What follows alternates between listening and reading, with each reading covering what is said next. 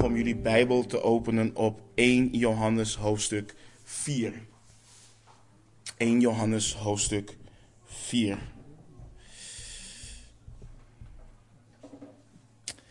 Laten we eerst bidden. God vragen om een uh, zegen over deze studie. En uh, dan uh, beginnen aan de studie. Vader in de hemel, we danken u, Heer, dat we uw woord in kunnen duiken, Heer. En zo'n diepgaand thema als uw liefde vandaag mogen gaan behandelen in de komende weken. Heer, we erkennen ons onvermogen. We bekennen, of we erkennen, Heer, het feit dat we een oppervlakkig begrip hebben van uw, van uw liefde, Heer. Want het gaat zo diep en het is zoveel, Heer. Maar we bidden, Heer, dat u onze ogen zult openen, dat u ons hart zult openen en dat uw liefde, Heer, mag uitgestort mag worden in ons hart. Leid ons alstublieft, verander ons alstublieft, Heer. Geef ons meer liefde en ontzag voor u. In Jezus' naam bidden we. Amen. Nou, na een jaar. Oh, sorry. Na een jaar um, in handelingen te hebben gezeten, beginnen we vandaag aan onze serie over Bijbelse liefde. En uh, normaal zijn we gewend hè, dat we vers voor vers door de Bijbel heen gaan. Sorry, hebben jullie dat? Ik heb hem volgens mij ergens daar gelaten. Microfoon van Anita. Ja. Yes. Ja.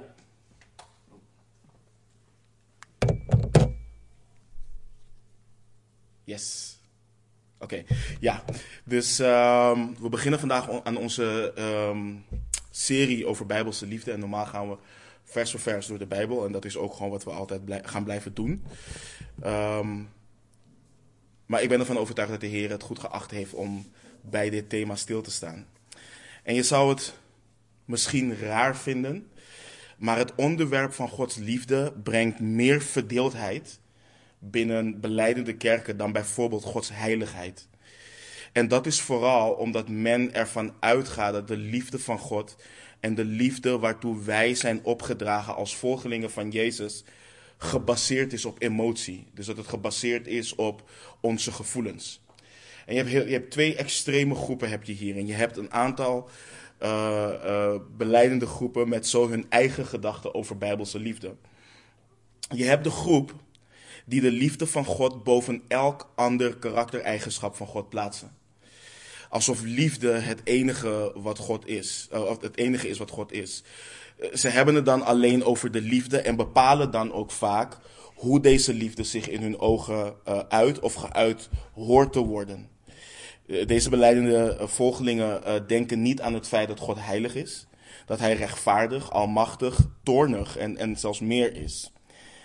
En Gods liefde wordt door deze groep vaak gebruikt als een vrijbrief om bijvoorbeeld in zonde of in ongehoorzaamheid aan God te leven. En dan heb je een andere extreme, uh, die hebben het het liefst niet of zo min mogelijk over Gods liefde. Of juist altijd dan in combinatie met zijn heiligheid. Omdat ze anders bang zijn dat het, dat het te veel hebben over Gods liefde. Een vrijbrief, een excuus geeft om op een sentimentele wijze uh, over God te denken en over God te spreken. Met als resultaat dat er geen groeiend ontzag of respect voor God is. En beide groepen staan ook vaak tegenover elkaar. Uh, maar hun grootste tegenstander is de volgeling van Jezus die vanuit Gods woord kijkt naar wat God heeft geopenbaard over zijn liefde. En vandaag kijken we dus naar twee versen waarin de Bijbel het volgende over God schrijft. Dus nogmaals in je Bijbel in 1 Johannes 4. En dan lezen we dan versen 8 en vers 16. En in vers 8, dus 1 Johannes 4, vers 8, lezen we: Wie niet lief heeft, kent God niet, want God is liefde. En verderop in vers 16 schrijft Johannes onder leiding van de Heilige Geest. En wij hebben de liefde die God tot ons heeft gekend en geloofd. God is liefde en wie in de liefde blijft, blijft in God en God in hem. Dus we zien de schrijver, dus de auteur Johannes, de apostel Johannes, zien we twee keer schrijven: God is liefde. Dus onthoud dat. God is liefde. Maar voordat we dit gaan ontleden, Dus wat het betekent dat God liefde is. Ga alsjeblieft in je Bijbel met me mee naar Efeze hoofdstuk 3. En vanaf vers 14 schrijft de apostel Paulus wat een van zijn gebedspunten is voor de discipelen uit Efeze. En aangezien Paulus vervuld was met de Heilige Geest toen hij dit schreef en geleid werd door de Geest, geloof ik dat dit ook de wil van de Heere God voor ons vandaag de dag is. Dus Efeze 3 vanaf vers 14. Daar lezen we dat Paulus schrijft: Om deze reden buig ik mijn knieën voor de Vader van onze Heere Jezus Christus, naar wie elk geslacht in de hemelen en op de aarde genoemd wordt, opdat Hij u, u geeft naar de rijkdom van Zijn heerlijkheid, met kracht gesterkt te worden door Zijn geest in de innerlijke mens, opdat Christus door het geloof in uw harten woont. En u in de liefde geworteld en gefundeerd bent, opdat u ten volle zal kunnen begrijpen, met alle heiligen, wat de breedte en lengte en diepte en hoogte is, en u de liefde van Christus zou kennen, die de kennis te boven gaat, opdat u vervuld zou worden tot heel de volheid van God. Dus let op wat de apostel Paulus vraagt. Hij vraagt aan God dat God geeft naar de rijkdom van zijn heerlijkheid, dus naar de rijkdom van zijn glorie. En zijn heerlijkheid heeft geen einde, want God heeft geen begin en einde. En hij vraagt dat ze gesterkt worden met kracht door de Heilige Geest. En let dan ook op het resultaat. Opdat Christus door het geloof in de harten van de discipelen van Jezus mag wonen. En, en let goed op. Opdat u geworteld en gefundeerd bent in de liefde. Dus het was het gebed. Het was het gebed uh, voor Paulus om te bidden dat de volgelingen van Jezus in Efeze een onwankelbaar fundament hadden in de liefde. En dat zal komen door gesterkt te worden met kracht door de Heilige Geest en een groeiend geloof in Jezus Christus.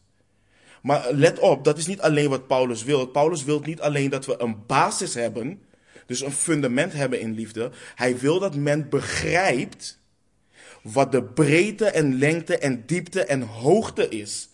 En we de liefde van Jezus leren kennen, die de kennis te boven gaat opdat we vervuld zouden worden tot heel de volheid van God. Dus ons begrip van Gods liefde moet continu blijven groeien als zijn volgelingen. En het woord dat Paulus gebruikt voor begrijpen in dit vers betekent dat je het grijpt in het Grieks. Dat je het vastgrijpt.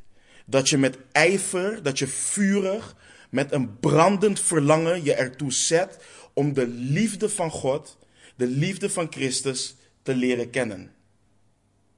En als ik dit zo lees, um, dan lees ik dat de liefde van God een onuitputtelijk thema is. Paulus heeft, je ziet het ook, Paulus heeft geen woorden om de liefde van God te omschrijven. Hij schrijft over breedte en diepte en lengte en, en hoogte. En het feit dat het de kennis te boven gaat. Dus de liefde van God gaat zo diep dat ik ervan overtuigd ben dat we na deze serie slechts de oppervlakte van dit thema hebben, hebben behandeld, hebben geraakt. En nu is alles wat ik tot nu toe heb genoemd reden genoeg om uitgebreid stil te staan bij dit thema. Maar laten we stilstaan bij het volgende. Um, in Matthäus 22, als je, daar naar je, als je in je Bijbel naartoe gaat, toen de Heer Jezus werd verzocht door een schriftgeleerde over het grote gebod van de wet, um, zei de Heer het volgende in Matthäus 22 vanaf vers 36. Dan zegt de schriftgeleerde tegen hem, Meester, wat is het grote gebod in de wet?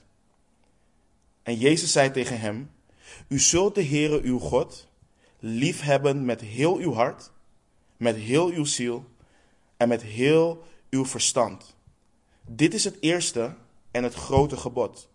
En het tweede hieraan gelijk is: U zult uw naaste liefhebben als uzelf. Aan deze twee geboden hangt heel de wet en de profeten. Sorry, ik, heb hem, uh, ik had hem op het scherm, ja. En, en kijk, we kennen deze versen allemaal. Hè? We citeren dit ook heel makkelijk. Maar de diepgang hiervan, daar moeten we ook bij stilstaan. Heel de wet en de profeten hangt aan deze twee geboden. God liefhebben en je naaste liefhebben. Alles wat God heeft overgeleverd, alleen in het Oude Testament, zou moeten leiden tot het liefhebben van God en het liefhebben van je naaste. Het zou moeten laten zien waarom je God, waarom je God en je naaste moet liefhebben. Dus als we beginnen bij Genesis en we gaan tot het laatste boek van het Oude Testament, dat is waar dit om draait in Christus. Dat is waar het op zou moeten wijzen. Een ander, ander ding, kijk, we hebben het gezien, de omstandigheden waarin we vandaag de dag leven, uh, met de hele pandemie en alles wat er natuurlijk gebeurt, hebben we het veel over eindtijd, de wederkomst van Christus. Maar let op al de teksten die hierover gaan. En je ziet dat ze ingepakt zijn met versen eromheen met aansporing tot liefde. Altijd. In Thessalonicensen, in Matthäus 24, in Johannes 4. Altijd. Het is een aansporing tot liefde. Bijbelse liefde voor God en bijbelse liefde voor je naaste. Dat is altijd een dominant thema daarin. Jezus zei in Matthäus 24, 12 ook, dat de liefde in deze tijd van velen zal verkillen. Dat is wat hij heeft gezegd. Dus bijbelse liefde is geen thema waarin je afstudeert. Het is geen thema voor de netgelovigen en het is geen thema waar je genoeg van kunt weten. De apostel Paulus schreef in 1 Korinthe 13 vanaf vers 1 en 3, tot en met 3. En we gaan, bij dit hele, we gaan dit hele hoofdstuk gaan we ook behandelen in, in deze serie. Maar in de eerste drie versen schrijft hij. Als zou ik de talen van de mensen en van de engelen spreken, maar ik had de liefde niet, dan zou ik klinkend koper of een schallende symbaal zijn geworden. En al zou ik de gave van de profetie hebben en alle geheimenissen weten en alle kennis bezitten en al zou ik het geloof hebben, zodat ik bergen zou verzetten, maar ik had de liefde niet, dan was ik niets. En al zou ik al mijn bezittingen uitdelen tot levensonderhoud van de armen, en al zou ik mijn lichaam overgeven om verbrand te worden, maar ik had de liefde niet, het baatte mij niets. En laat dit ons dwingen om niet alleen de komende weken tijdens de dienst hierbij stil te staan, maar laten we in vrijmoedigheid Gods troon der genade bestormen en Hem vragen om te groeien in liefde. Om te groeien in Zijn liefde en in liefde voor naasten. Want Paulus schrijft aan het einde van dit hoofdstuk ook. Want nu blijven geloof, hoop en liefde. Maar de meeste van deze is liefde. En dit thema, het raakt ieder onderdeel van ons leven. Dat is iets wat we heel goed moeten beseffen. Gegrepen worden door Gods liefde zal voor eeuwig veranderen hoe je naar God kijkt, hoe je naar jezelf kijkt, voor de mensen die getrouwd zijn, hoe je naar je partner kijkt, voor de mensen die kinderen hebben, hoe je naar je kinderen kijkt, en voor de kinderen onder ons, het zal voor eeuwig veranderen hoe je naar je vader en je moeder kijkt. En het zal veranderen hoe we naar onze broeders en zusters kijken. En het zal veranderen ook, en dat is ook heel belangrijk, hoe we naar de verlorenen om ons heen kijken. En het zal ons denken transformeren in alles wat we doen. Dus met dat in gedachten ook, we hebben in deze serie niet een specifiek, uh, specifieke studie over bijvoorbeeld het huwelijk ook. Maar wat, wat, wat mijn verlangen is, is dat we gaan kijken naar wat is liefde, wat is bijbelse liefde. En dat in onze harten laten doorwerken door de Heilige Geest. Zodat Hij dit kan toepassen op het gebied van opvoeding, op het gebied van uh, ons huwelijk, op het gebied van liefde onderling als, naast, als broeders en zusters, maar ook liefde voor onze naasten en uiteraard liefde voor God. Oké, laten we nu teruggaan naar onze teksten van vandaag. 1 Johannes 4, vers 8 en vers 16. Even kijken, heb ik hem hier? Ja. Um, het kan niet anders dan dat we hier beginnen um, met deze serie. Want in deze teksten lezen we dus twee keer God is liefde. Nog een keer in vers 8.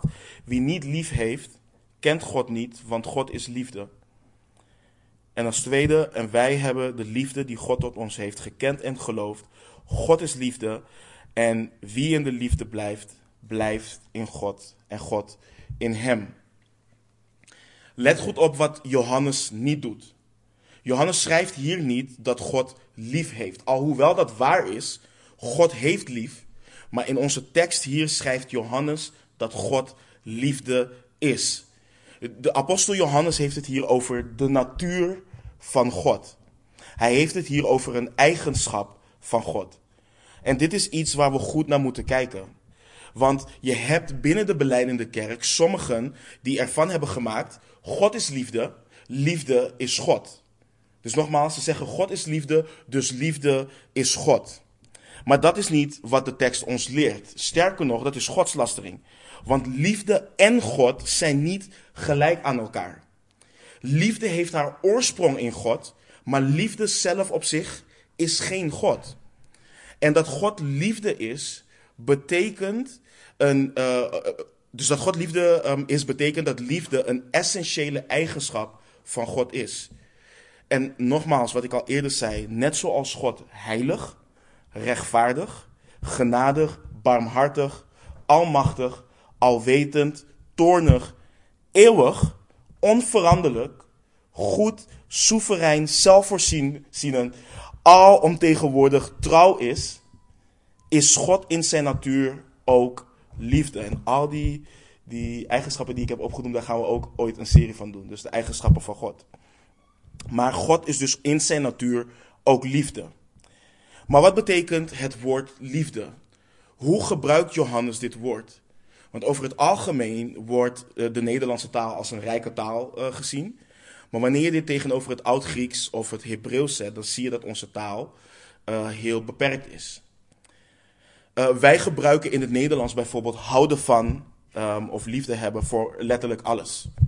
Ik hou van basketbal, ik hou van mijn vrouw, ik hou van mijn kind, ik hou van pizza en noem maar op. Wij kunnen dat maar op één manier goed uitdrukken. Maar in het Grieks is dit totaal wat anders. En ik wil niet al te technisch worden met Griekse woorden, maar ik wil jullie wel meenemen door het volgende, zodat we de context ervan helder hebben gedurende deze serie. Want liefhebben of houden van liefde kun je op verschillende manieren uitdrukken in het Grieks. En het eerste woord wat, wat we hebben, of uh, wat we in het Grieks hebben, is eros. Dus eros is daar een van. En eros, wat niet in het Nieuwe Testament voorkomt, is een fysieke vorm van liefde. Eros was het woord dat vaak werd gebruikt om de gevoelens van opwinding uit te drukken, die worden gedeeld door mensen die zich fysiek tot elkaar aangetrokken voelen. We hebben ons woord erotiek, hebben we daar ook van dat woord van eros. Een relatie, en dat is ook heel goed om te beseffen, volgens mij weten we dat ook allemaal. Een relatie gebaseerd op pure erosliefde is gedoemd om te mislukken. Altijd. Want als de voorwaarde is dat ik me fysiek tot jou aangetrokken moet voelen, wat gebeurt er dan als je in mijn ogen fysiek niet meer aantrekkelijk bent? Dan verkilt de liefde, dan, dan, dan dooft de liefde uit. Dus dat is eros. Dus het is een voorwaardelijke vorm van liefde. Dan heb je ook phileo. En phileo verwijst naar broederlijke liefde en komt tot uiting in een hechte vriendschap ook. Um, we kennen allemaal de, de stad in Amerika, Philadelphia. The City of Brotherly Love, dat is wat het betekent. Um, beste vrienden zullen deze uh, vorm van liefde ook aan elkaar tonen. In de Bijbel worden wij ook, naast de andere vorm van liefde die ik zo ga opnoemen, worden we ook opgeroepen tot phileo-liefde, tot broederlijke liefde onderling. En een bijbels voorbeeld van phileo is de vriendschap tussen koning David en de zoon van Saul, Jonathan. Dat is een vorm van phileo-liefde, van hechte broederlijke vriendschap. Maar dat kent ook zijn voorwaarden. En dan heb je storge of storge, hoe ze het ook uitspreken. En je komt dit tegen in een familieband. Uh, denk aan de band van een ouder naar een kind of een kind naar een ouder. Soms zeggen mensen ook wel dat het is van man naar vrouw, dus getrouwd. Um, het wordt ook wel de natuurlijke vorm van liefde genoemd. Men vindt het niet meer dan logisch of natuurlijk dat een moeder of een vader liefde heeft voor zijn of haar kind. Um, maar dus iets wat al deze drie typen vormen van liefde kenmerkt, is dat deze vormen van liefde allemaal een voorwaarde hebben. Het zijn, ik heb je lief omdat vormen van liefde. Ik heb je lief omdat ik me fysiek aangetrokken tot je voel. Ik heb je lief omdat we vrienden zijn en gezamenlijke interesses delen. Ik heb je lief omdat je mijn kind of mijn partner bent. Dus er zit een voorwaarde aan vast. Maar voor de liefde van God, wat we hier zien, wat we overigens ook in Johannes 3:16 bijvoorbeeld tegenkomen, gebruikt de apostel Johannes een heel ander woord. Hij gebruikt het Griekse woord agape. En agape-liefde wordt omschreven, wat het kenmerkt, is dat het een zelfopofferende vorm van liefde is. Dit is de liefde die mensen tot actie aanzet en gericht is op het welzijn van de ander. Dus het is zonder voorwaarden. Het maakt niet uit wat het de persoon kost die het geeft. Agape-liefde is liefde wat aanhoudt, liefde wat doorzet, het is liefde wat constant is, onophoudelijk. Het is volhardend. En ieder mens streeft naar deze vorm van liefde in het leven. Zelfs de psychologie leert, bijvoorbeeld, dat de basisbehoefte van de mens, want mensen zeggen dat de basisbehoefte van mensen is um, voeding en huisvesting en al dat soort dingen, maar dat is het niet. De psychologie erkent bijvoorbeeld dat de basisbehoefte van ieder mens is om geliefd en gekoesterd te worden. Ieder mens wil geliefd en gekoesterd worden. En het is voor de mens niet genoeg om te horen dat ze geliefd zijn. Men wil het ervaren. Men wil het zien. Je kent het ook in de huwelijken wanneer mensen zeggen: Ja, maar schat, je weet dat ik van je hou. Ja, maar het is niet genoeg dat je tegen me zegt dat je van me houdt. Laat het zien. Laat me zien dat je van me houdt. Dat is wat een mens wil ervaren. Maar als je dus kijkt naar de definitie, als je kijkt naar agape-liefde. En als je kijkt dus dat God liefde is. Dus dat God liefde is, betekent dat God zichzelf onophoudelijk en op een zelfopofferende manier geeft aan anderen, aan mensen dus, en, en het welzijn zoekt van de ontvanger. Dat is wat het betekent dat God liefde is. Gods liefde is geen omdat liefde. Gods liefde is een ondanks liefde. Want Gods liefde kijkt niet naar, ben jij het waard om het te ontvangen? Ben je mooi genoeg om het te ontvangen? Ben je aardig genoeg om het te ontvangen? Ontvang, ontvang je het vanwege de relatie die we met elkaar hebben? Nee, Gods liefde heeft wat, heeft wat dat betreft niet de emotionele voorwaarden als wat we zien in Eros, Phileo en Storge. En ik noemde net een lijst met Gods eigenschappen.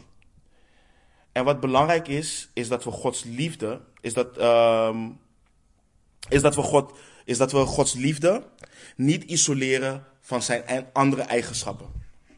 Dus God stopt niet met heilig en rechtvaardig zijn, omdat hij op een moment, of omdat hij um, zijn liefde wil tonen. Wanneer ik spreek over zonde, bijvoorbeeld, en Gods haat voor zonde, betekent dat niet dat God geen liefde meer is. Of wanneer ik spreek over de soevereiniteit van God, betekent het niet dat God geen liefde meer is. En een van de neigingen die we hebben als gevallen wezens, zelfs als beleidende volgelingen van Jezus, is om zoals Paulus schrijft of omschrijft in Romeinen 1, is dat we de waarheid van God in ongerechtigheid onderdrukken en dit verwisselen voor een leugen en om een eigen God te gaan creëren en te bepalen hoe hij liefde is en dan om het schepsel te gaan aanbidden in plaats van de ware schepper. Dus laten we voor vandaag kijken naar enkele eigenschappen van Gods liefde. Uh, om de liefde van God in de juiste context uh, te zien. We hebben, ik, ik noemde net eeuwig, hè, dat God eeuwig is. De Bijbel leert ons dat God eeuwig is. God heeft geen begin en God heeft geen einde. God is.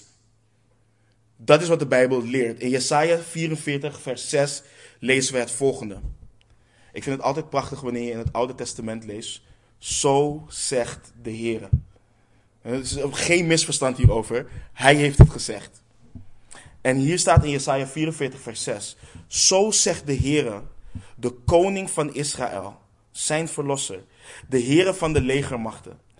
Ik ben de eerste en ik ben de laatste. En buiten mij is er geen God. Jesaja 44, vers 6.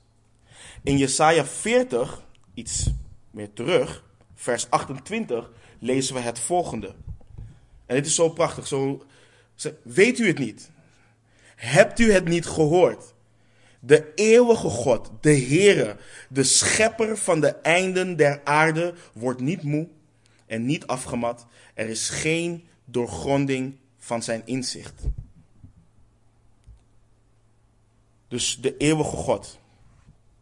God is eeuwig. In Exodus 3, vers 14 openbaart God zichzelf ook aan Mozes als de ik ben die ik ben. Hij is. En waarom is dit belangrijk?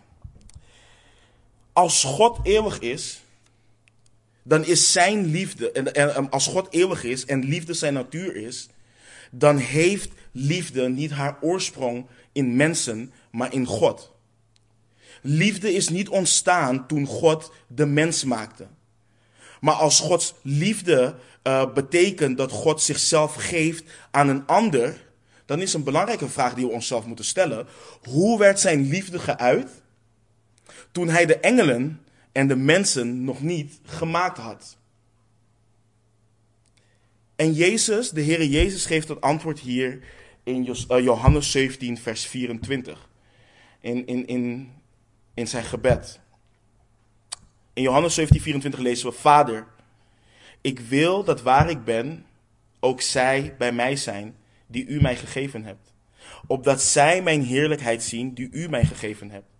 En dan let op, omdat u mij hebt liefgehad voor de grondlegging van de wereld. Dus voordat God de Vader zijn liefde heeft getoond aan zijn schepping, heeft hij de Zoon eeuwig lief gehad. Er is altijd liefde geweest tussen Vader, Zoon en Geest. God is altijd liefde geweest en heeft altijd lief gehad. En omdat hij geen einde heeft, zal hij altijd liefde zijn en altijd lief hebben. In, eh, in Jeremia, uh, vers, in Jeremia 31, vers 3 lezen we ook het volgende. Ook hoe God uh, spreekt en zegt. Van verre tijden af is de Heere aan mij verschenen. Met eeuwige liefde heb ik u lief gehad. Daarom heb ik u getrokken met goede tierenheid. Dus met eeuwige liefde heb ik u lief gehad. Daarom heb ik u getrokken met goede tierenheid. Paulus schreef ook aan de Efeziërs in Efeze 1, versen 4 en 5. Heb ik alleen die? Nee, vers, vanaf vers 3, sorry. Daar schrijft Paulus: Gezegend zij de God en Vader van onze Heer Jezus Christus, die ons gezegend heeft met alle geestelijke zegen in de hemelse gewesten in Christus omdat hij ons voor de grondlegging van de wereld in hem uitverkoren heeft, opdat wij heilig en smetteloos voor hem zouden zijn in de liefde. Dus voor de grondlegging van de wereld heeft God gekozen om je lief te hebben. Hij heeft voor de grondlegging van de wereld gekozen om ons heilig en smetteloos voor Hem te plaatsen in de liefde. En weet je, dit gaat ons verstand te boven. Eh, Ivan en ik hebben het hier vaak over. Kijk, wij leven in tijd. Wij zijn gebonden aan tijd. Alles heeft voor ons een begin en een einde. En ons verstand kan niet verwerken dat voordat wij bestonden, er een eeuwige God was die al lief had. Die eeuwig lief had. Dat er een eeuwige liefde was tussen de Vader, Zoon en de Geest dat er in eeuwigheid was besloten dat de vader de zoon zou liefhebben en hem een volk zou geven als erfdeel en de geest in de harten van, de volken, van het volk zou wonen om de vader te verheerlijken, door het volk op de zoon te wijzen en zoveel goddelijke liefde uit te storten in hun harten voor de glorie en heerlijkheid van God. Dus nogmaals, God heeft besloten voor de grondlegging van de wereld heeft hij al besloten hoe hij zijn liefde zou tonen aan zijn schepping. Maar daar waar we het niet kunnen begrijpen, is het goed voor ons om op onze knieën te gaan en de Here in nederigheid te aanbidden. En dit brengt mij ook dus naar een, andere, een ander belangrijk eigenschap van God en zijn, en zijn liefde. De Bijbel leert ons ook dat God onveranderlijk is. Hij verandert niet. In Malachi 3, vers 6 lezen we: Want ik, de Heere, ben niet veranderd. U, kinderen van Jacob, bent daarom niet omgekomen. In 1 Samuel 15, vers 29, dan staat er: Ook liegt de onveranderlijke van Israël niet. En hij heeft er geen berouw over, want hij is geen mens dat hij ergens berouw over hebben zou. In het Hebreeuws staat er in plaats van berouw dat hij niet van gedachten verandert. En hij is de onveranderlijke van Israël. In, um, let ook op wat Jacobus schrijft in Jacobus 1, vers 17. Elke goede gave en elk volmaakt geschenk is van boven en daalt neer van de Vader der lichten, bij wie er geen verandering is of schaduw van omkeer. God verandert niet. Gods karakter verandert niet. Zoals ik net al zei, God is altijd liefde geweest. En waarom het ook belangrijk is om stil te staan bij, bij het feit dat God niet verandert, is door de gedachte die er door veel beleidende christenen wordt geuit, dat de God van het Oude Testament een toornige God was en dat het concept um, liefde pas tot leven kwam in het Nieuwe Testament toen Christus is verschenen. En nogmaals, God verandert niet. Zijn liefde is ook niet veranderd. En, en dat is ook belangrijk. God neemt niet toe in liefde en Gods liefde neemt niet af. Het is niet dat hij in het Oude Testament minder lief had. Maar daarin is het ook belangrijk om te beseffen dat God niet minder toornig is dan in het Oude Testament. Hij verandert niet. En hij is dus ook niet minder heilig. Nogmaals, hij verandert niet. En waarom dit ook belangrijk is, is Gods liefde voor ons verandert dus ook niet wanneer we door moeilijkheden heen gaan. Gods liefde voor ons verandert ook niet wanneer hij ons snoeit en wanneer hij ons vermaant. Sterker nog, de auteur van de brief Hebreeën schrijft het volgende in Hebreeën 12 vanaf vers 6. Dan schrijft hij: Want de Heere bestraft wie hij lief heeft. En hij geestelt iedere zoon die hij aanneemt. Als u bestraffing verdraagt, behandelt God u als kinderen. Want welk kind is er dat niet door zijn vader bestraft wordt? Maar als u zonder bestraffing bent, waar, alleen deel, waar allen deel aan hebben gekregen, bent u bastaarden en geen kinderen. Wij, wij als ouders, wij disciplineren onze kinderen omdat we onze kinderen lief hebben. We leren onze kinderen wat God is omdat we van ze houden. Mijn dochter vindt het niet leuk wanneer ik haar disciplineer, maar ik zeg altijd: Papa zegt deze dingen omdat papa van je houdt. Papa wil dat het goed met je gaat. En dat is het ook met God richting ons. Op confronterende wijze laat Hij ons zien waar we ons van moeten bekeren. Wat we moeten beleiden. Wat er in ons hart leeft. En dat doet hij niet om ons te verdoemen, want er is geen verdoemenis voor hen die in Christus zijn. Dat doet hij omdat hij van ons houdt, omdat hij ons lief heeft. Bijvoorbeeld ook wanneer we mensen om ons heen verliezen. Dan is het niet dat God de levens van die mensen wegneemt omdat hij niet van ons houdt.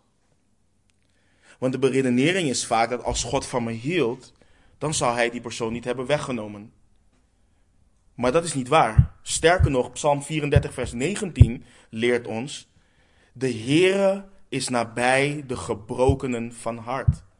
Hij verlost de verbrijzelden van geest. Een ander prachtig voorbeeld zien we ook in het Evangelie van Johannes. We lezen daar dat Johannes Martha, haar zus en Lazarus lief had. Maar toen Lazarus ziek was, ging Jezus niet onmiddellijk naar Lazarus.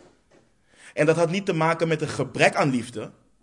God had een ander plan met de ziekte en met de dood van Lazarus. En hiermee zeg ik niet dat dat het geval is met ieder overlijdensgeval.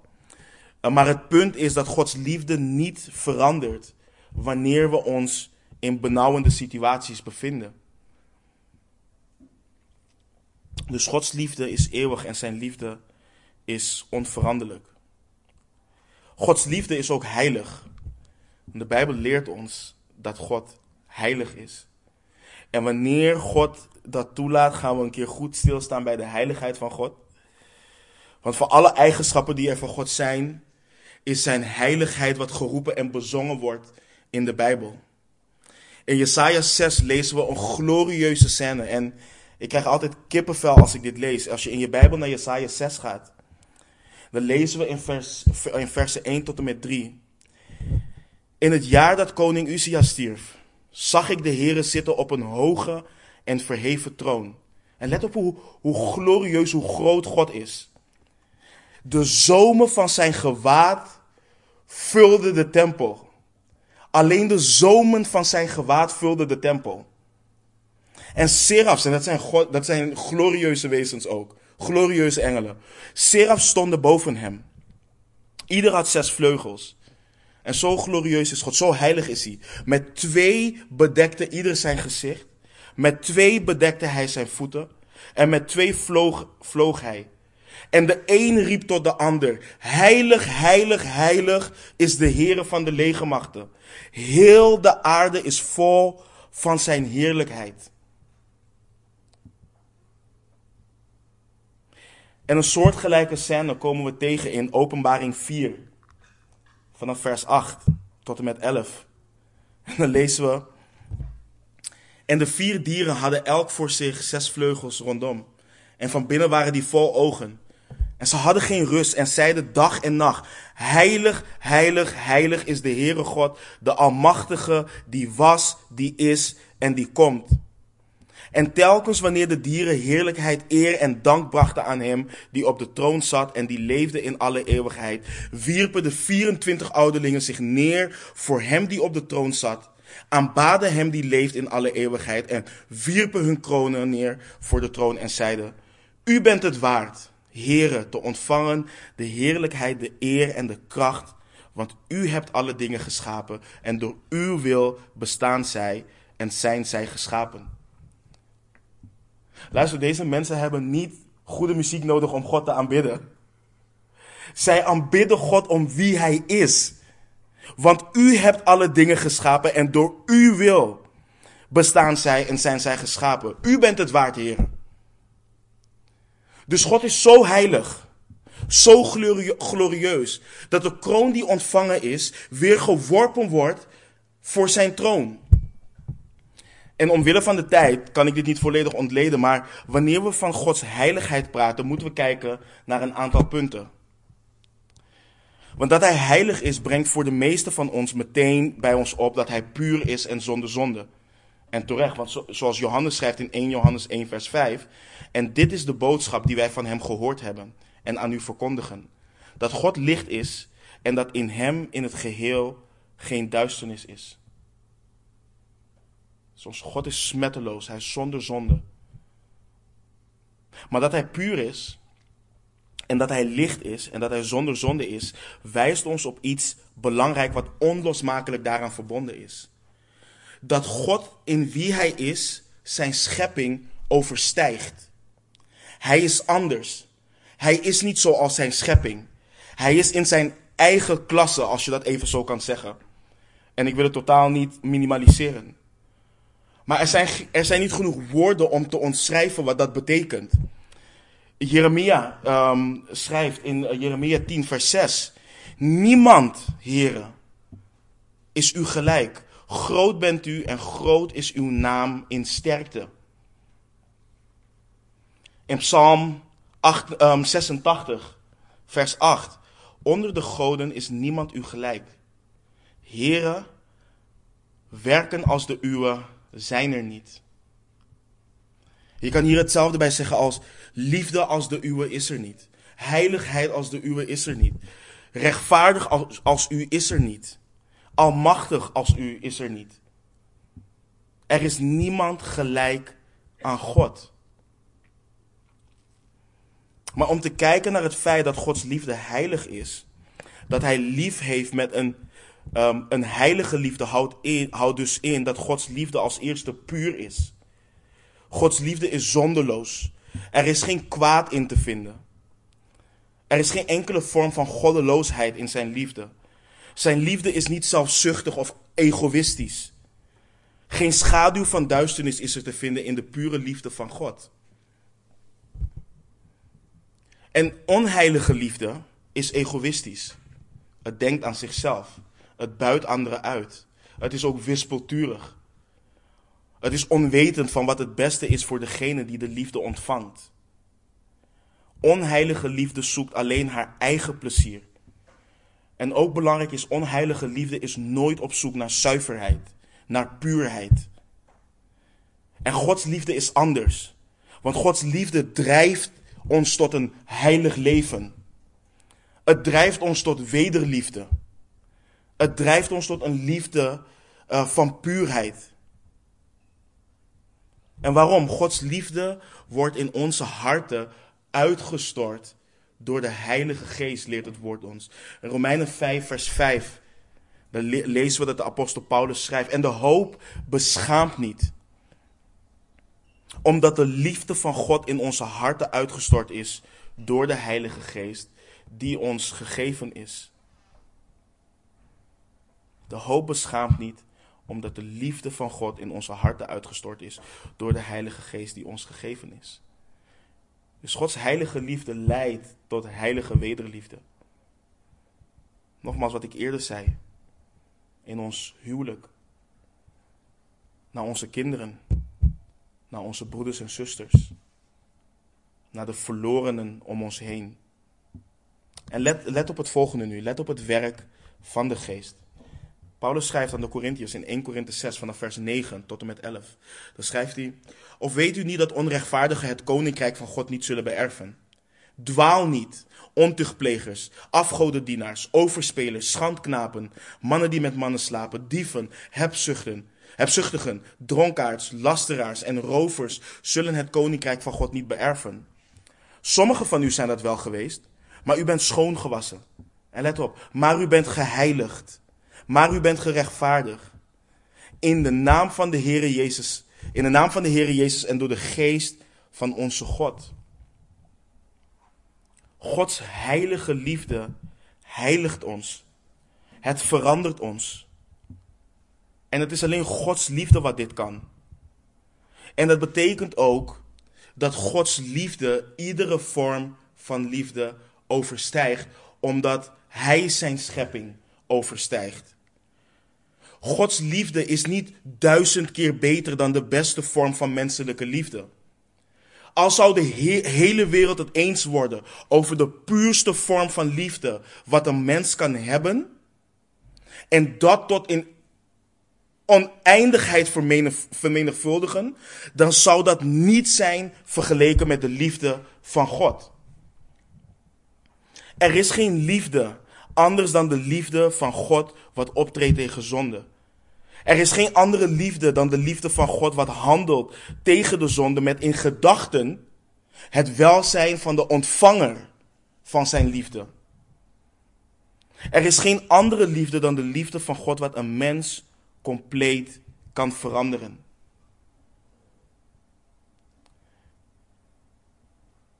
Als we net kijken naar de versen die, naar het vers, als we teruggaan Hoeveel van ons maakte zich hieraan schuldig voordat we tot geloof kwamen? En hoeveel van ons heeft geprobeerd in onze eigen kracht om deze dingen af te leggen? Ik heb het geprobeerd. En het is me van mijn langzalse leven niet gelukt in mijn eigen kracht. Maar toen de liefde van God uitgestort werd in mijn hart, verdween het als sneeuw voor de zon. En de liefde van Christus, de kracht van de Heilige Geest, geeft mij de kracht en de liefde voor God om te strijden tegen de zonde. Omdat ik God lief heb. Omdat jij God lief hebt. Dat is de kracht van Gods liefde. Zo heilig is Gods liefde. En zoveel kracht heeft het om de mens te veranderen. En ik, en ik moet je vragen. Heb jij de liefde van God ontvangen? Leef jij door de liefde van God? Word je volledig veranderd door de liefde van God? Drijft de liefde van God jou om een heilig leven te leiden en anderen lief te hebben met een heilige liefde? Dus Gods liefde is eeuwig, het is onveranderlijk en het is heilig. We zagen ook dat God soeverein is. En we hebben vaker in studies, vooral in handelingen, stilgestaan bij de soevereiniteit van God.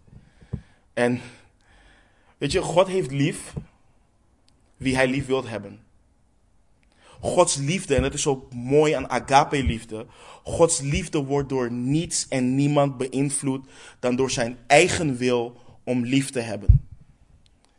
Stel je voor dat Gods liefde beïnvloed zou worden door iets anders dan zijn wil. Door iets wat jij hebt gedaan. Dat zal God plaatsen onder een wet, onder een regel om lief te hebben. En God zou dan niet meer soeverein zijn, maar onderworpen aan die ene regel om lief te hebben. Maar de Bijbel leert dat niet. De Bijbel leert dat God soeverein is. Hij doet wat hij wilt, wanneer hij het wilt, hoe hij het wilt, omdat hij het wilt. En oh, wat hebben wij mensen daar moeite mee? Dat er een wezen is. Dat er hier in dit universum en boven dit universum een wezen is die nergens verantwoording voor hoeft af te dragen. Die doet wat hij wilt volgens zijn eigen wil. En dat is ook hoe God lief heeft. Hij heeft niet lief omdat er iets in ons is om lief te hebben. Hij heeft lief omdat hij ervoor kiest om ons lief te hebben. Weet je, geen enkele christen, geen enkele volgeling van Jezus zou een minderwaardigheidscomplex mogen hebben.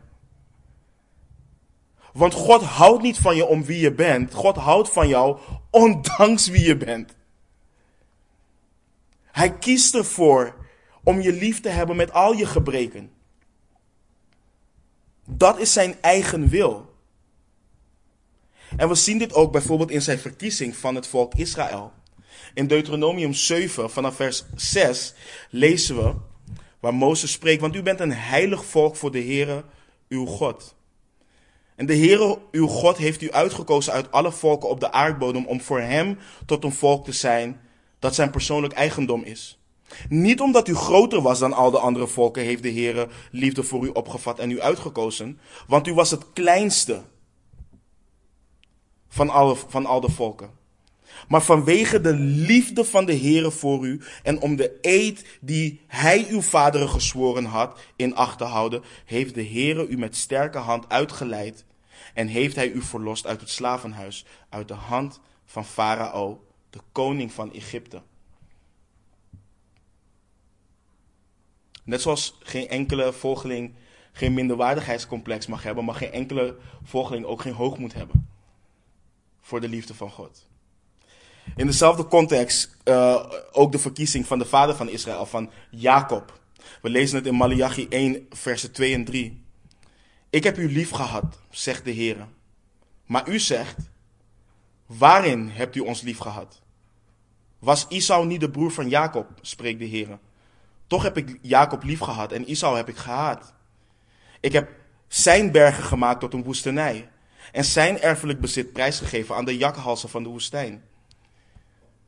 En dat God Isau heeft gehaat betekent dat hij Isau heeft verworpen. Hij heeft hem afgewezen en hij heeft Jacob gekozen. Want uiteindelijk zien we in Deuteronomium ook dat hij de kinderen van Isau ook land heeft gegeven. Maar hij heeft Jacob gekozen voor de belofte. En wat was er anders dan Jacob? Niks.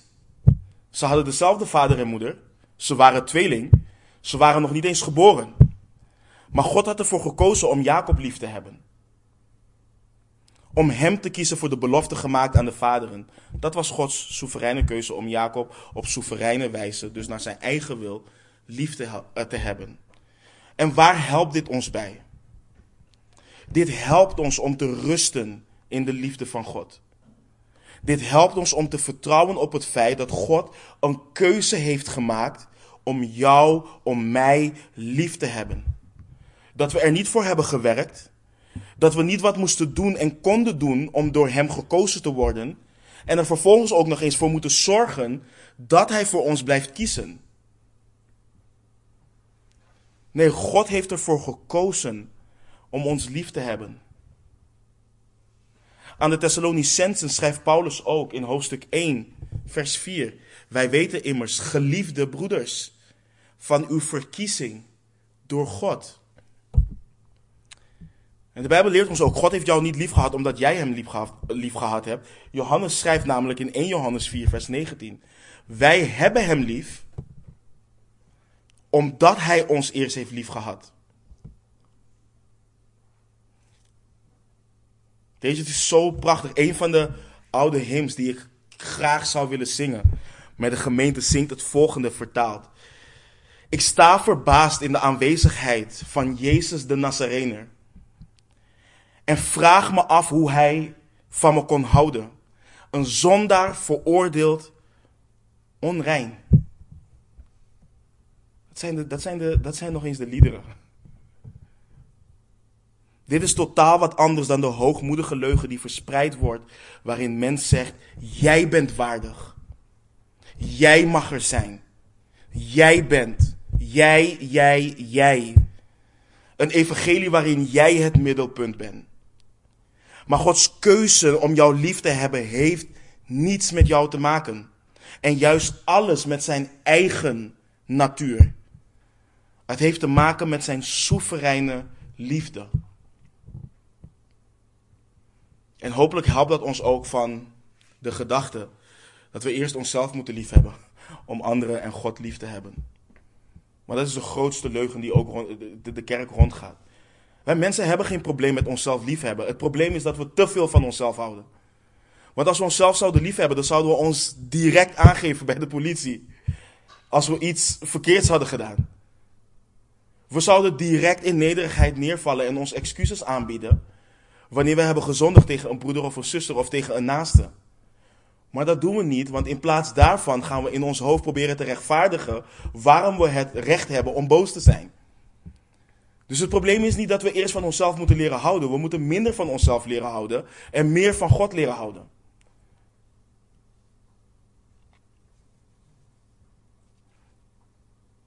Dus Gods liefde is soeverein. En om het af te sluiten kijken we naar het feit dat, Gods, dat God ons lief heeft op genadige en barmhartige wijze. Gods liefde is genadig en barmhartig. En wat betekent barmhartigheid? Nou, als je het even plat slaat in de context van de Bijbel, betekent barmhartigheid iets niet ontvangen of iets niet krijgen wat je wel verdient. Wat, wat verdienen wij als mensen? Nou, de Bijbel leert ons dat we allemaal zondaren zijn. En in Romeinen 6:23 leren we, want het loon van de zonde is de dood.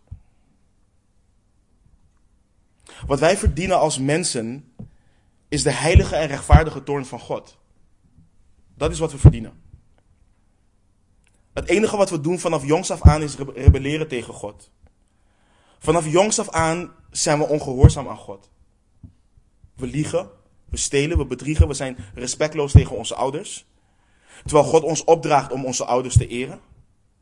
We zijn egoïstisch, we lusten, we schelden en gaan zo maar door. We doen alles om onszelf te behagen. Alles voor ons eigen plezier. We geloven niet dat wat God voor ons wil goed is. We geloven niet dat God goed is. We hebben onze eigen definitie van liefde en van God. En onheilige liefde, waar ik het, al over, waar, waar ik het eerder al over had. En het loon daarvan is de dood. Kijk, dit is wat de Bijbel over ons zegt in onze staat verwijderd van de Heere God. Dat we vijanden zijn van God in Romeinen 5 vers 10. Dat niemand van ons rechtvaardig is, dat niemand verstandig is, dat niemand God zoekt. Dat we allen zijn afgedwaald, nutteloos zijn geworden en niemand van ons goed doet. Romeinen 3, vers 10 tot en met 12. Dat we geen vrezen Gods voor ogen hebben. Romeinen 3, vers 18. Dat we ons schuldig maken aan overspel, hoererij, onreinheid, losbandigheid, afgoderij, toverij. Vijandschap, ruzie, ruzie afgunst, woedeuitbarstingen, egoïsme, oneenigheid, afwijkingen in de leer, jaloersheid, moord, dronkenschappen, zwelgpartijen.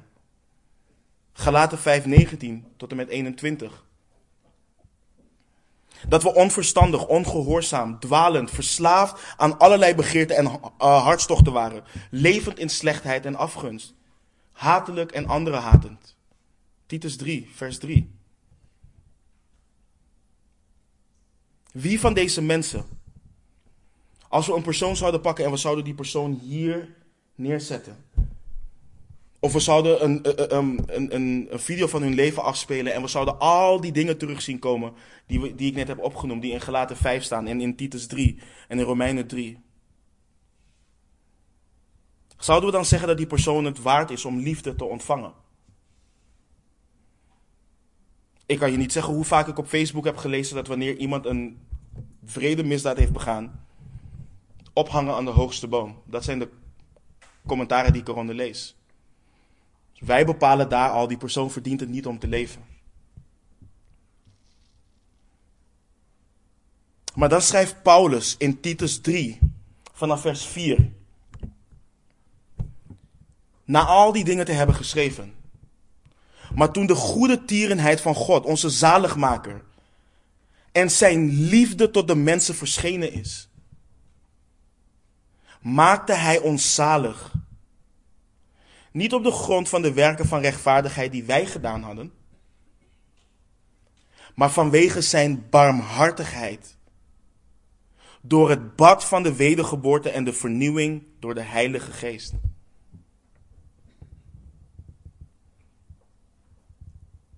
Mensen vragen wel eens, waarom heb je het zo vaak over zonde? Want je zult nooit de diepte van God leren begrijpen als je niet begrijpt hoe verdorven je was.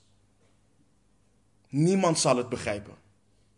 Niemand zal begrijpen wat het de Heere God gekost heeft om zijn welbehagen te vinden in zijn enige zoon te verbrijzelen aan het kruis. God had niet twee zonen, hij had niet drie zonen. We zouden content zijn als hij, als hij drie zonen had en één van zijn zonen had gestuurd. Maar hij had één zoon. En ondanks al die dingen die wij waren, heeft hij ervoor gekozen om die zoon te sturen en te verbrijzelen aan het kruis. Voor de zonde van de mensen die zijn zoon daaraan hebben genageld. Als dat geen liefde is, dan weet ik het gewoon echt niet meer. Iedere persoon die tot reddend geloof is gekomen in Jezus Christus, ontvangt haar loon niet. Jezus Christus heeft de toorn over zich heen gehad, wat ieder persoon verdient. En niet omdat dit de loon van Jezus was, want Jezus verdiende dit niet. Jezus was zonder zonde. Jezus is de Vader nooit ongehoorzaam geweest. Jezus heeft nooit onzondige gedachten gehad. Jezus heeft de Vader lief gehad met heel zijn ziel, met heel zijn kracht, met heel zijn verstand en met heel zijn hart. Maar waarom heeft God dit dan gedaan? Waarom geeft de Vader wat wij niet, wat wij, niet wat wij verdienen? Waarom is hij barmhartig? En dan ga je naar Johannes 3:16. En dan lees je, want zo lief heeft God de wereld gehad dat hij zijn enig geboren zoon gegeven heeft. Opdat ieder die in hem gelooft niet verloren gaat, maar eeuwig leven heeft. Zie hier weer hoe prachtig de definitie van Gods liefde naar voren komt. God heeft de wereld onophoudelijk op een zelfopofferende manier lief gehad en zichzelf gegeven met het welzijn van de ontvanger in gedachten. God heeft zichzelf gegeven zodat zijn schepping niet verloren gaat. En dan zie je ook gelijk niet alleen de barmhartigheid, maar de genade van God. En genade is gunst ontvangen. Ontvangen wat je niet verdient. Iets ontvangen waar, waar, je niet voor hebt gewerkt. Dus God geeft ons niet, uh, niet alleen niet wat we wel verdienen. Nee, in Jezus geeft Hij ons ook nog eens wat we niet verdienen. Hij vergeeft ons onze zonden. En Hij geeft ons eeuwig leven.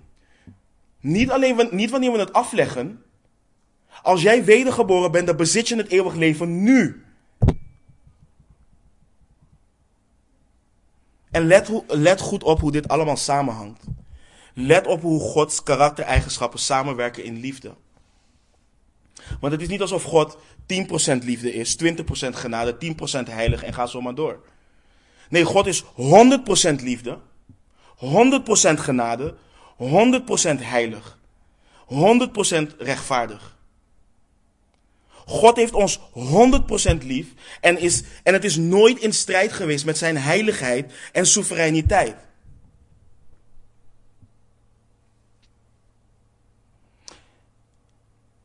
Iemand zei.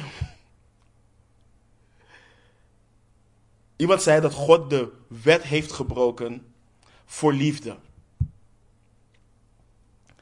Dat is God een zondaar noemen. Want een ieder die de wet overtreedt, een ieder die de wet breekt, is een overtreder van de wet. God hoefde zijn wet niet te breken om ons te kunnen vergeven. Want daar aan het kruis, waar Jezus de toorn van de Vader over zich heen zag, daar zag je rechtvaardigheid. Daar zag je zijn soevereiniteit. Daar zag je zijn heiligheid. Daar zag je hoe veel afschuw hij heeft richting de zonde, maar hoeveel liefde hij heeft voor zijn schepping. En hoe hij in rechtvaardigheid moet oordelen over de zonde.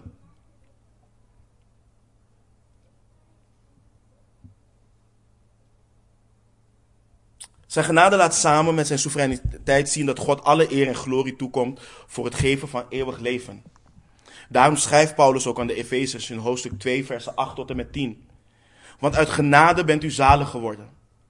Door het geloof. En dat niet uit u. Het is de gave van God niet uitwerken, opdat niemand zou roemen. Want wij zijn zijn maaksels, geschapen in Christus Jezus, om goede werken te doen. Die God van tevoren bereid heeft, opdat wij daarin zouden wandelen. Oh, hoe diep en hoe hoog en hoe breed en lang is de liefde van onze God.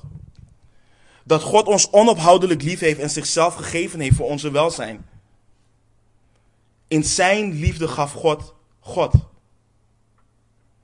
En nogmaals, dit gaat ons verstand te boven.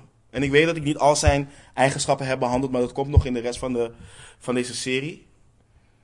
Maar ook al gaat dit ons verstand te boven, is het bestuderen hiervan zo belangrijk. Het proberen te begrijpen, onszelf beijveren om dit te begrijpen, is van essentieel belang. Want een verkeerd beeld van Gods liefde geeft ons een verkeerd beeld van wie God is in zijn wezen. Het geeft ons een verkeerd beeld van zijn heilsplan. De vader had de zoon lief. En dat is belangrijk om te begrijpen. Om, een goed beeld bijvoorbeeld, wat ik net ook al zei in moeilijkheden. De vader had de zoon lief. Maar de zoon had honger hier op aarde. Hij had dorst. Hij raakte lichamelijk vermoeid. Hij werd vervolgd.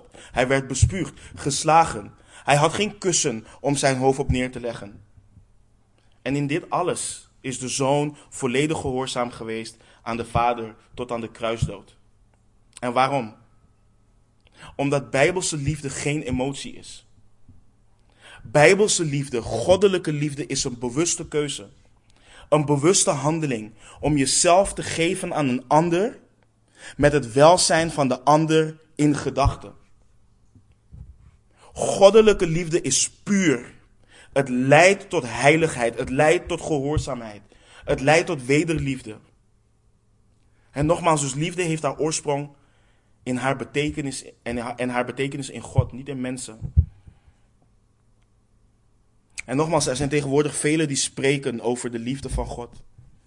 Die helemaal niets weten van de liefde van God. Of die denken genoeg te weten van Gods liefde. En Gods liefde wordt te vaak beschouwd als een vorm van zwakheid. Iets waarin God in zijn goedaardigheid en naïviteit toegeeft aan hetgeen wat jij wilt als persoon. Het wordt teruggebracht naar gevoel. En daarom is er een dringende behoefte aan Bijbels te ontdekken wat de schrift ons leert over de liefde van God.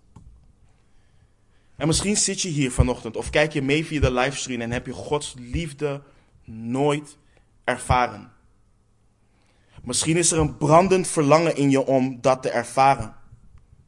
Ik kan jou niet in die relatie brengen met God. God is een persoonlijke God en hij roept jou persoonlijk.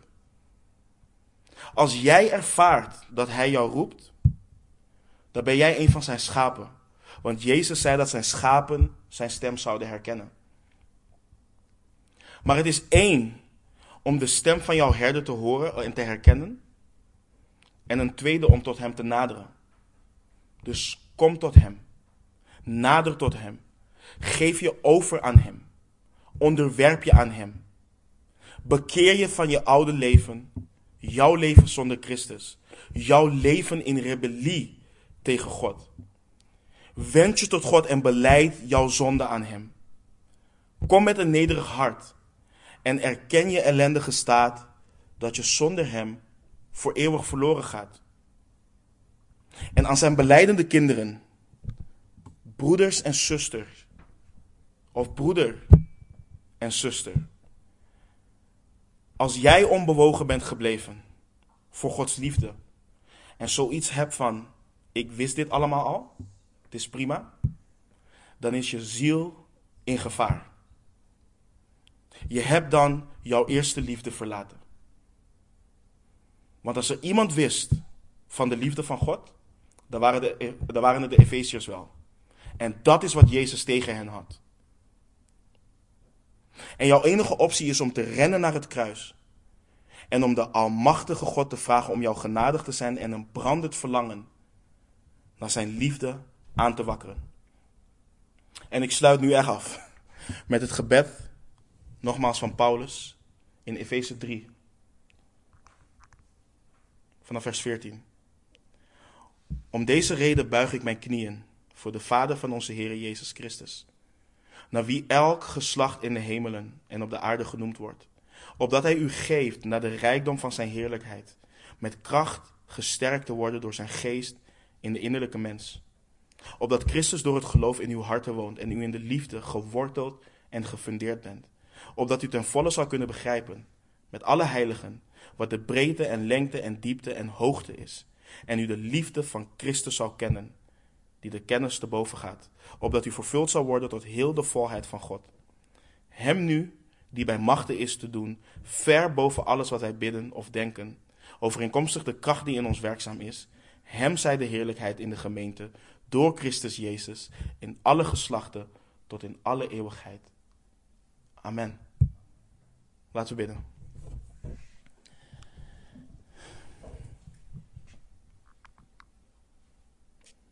Vader in, we geven toe, Heer, dat uh, we zo weinig van uw liefde weten, Heer. En dat willen sommigen van ons ons ontzag voor uw liefde kwijtgeraakt zijn. En als dat zo is, Heer, beleiden we onze zonde. En we danken u dat u getrouw en rechtvaardig bent om ons te vergeven wanneer we onze zonde beleiden, Heer. En de Heer Jezus zei dat als wij dorst hebben en tot hem naderen, dat levend water, dat stromen van levend water uit ons binnenste zouden vloeien, En we bidden dat uw liefde zal overstromen in onze harten. En Heer, ik weet dat we slechts de oppervlakte hebben geraakt, Heer. En ik bid, Heer, dat dit eeuwig vrucht mag dragen. In onze persoonlijke relatie met u. Voor de mensen die getrouwd zijn in onze relatie met onze partners. Voor de mensen die nog niet getrouwd zijn, Heer, dat u hen voorbereidt op de relatie met hun toekomstige partner. Voor de ouders onder ons. Naar onze kinderen en voor onze kinderen naar de ouders. Heer, voor ons als broeders en zusters onder elkaar. En Heer, naar de verlorenen om ons heen, waar u ook immens veel van houdt. Vader, verander ons alstublieft. Heer, de vrucht van de geest is liefde. Heer, en u zei dat als wij in u blijven, dat u in ons zal blijven en dat, de vader, dat u, Vader, ons zal snoeien. En dat we veel vrucht zouden dragen. De heerlijkheid van uw grote naam. Vader, ik dank u, ik loof en prijs uw naam. En bid dit alles in Jezus' naam. Amen.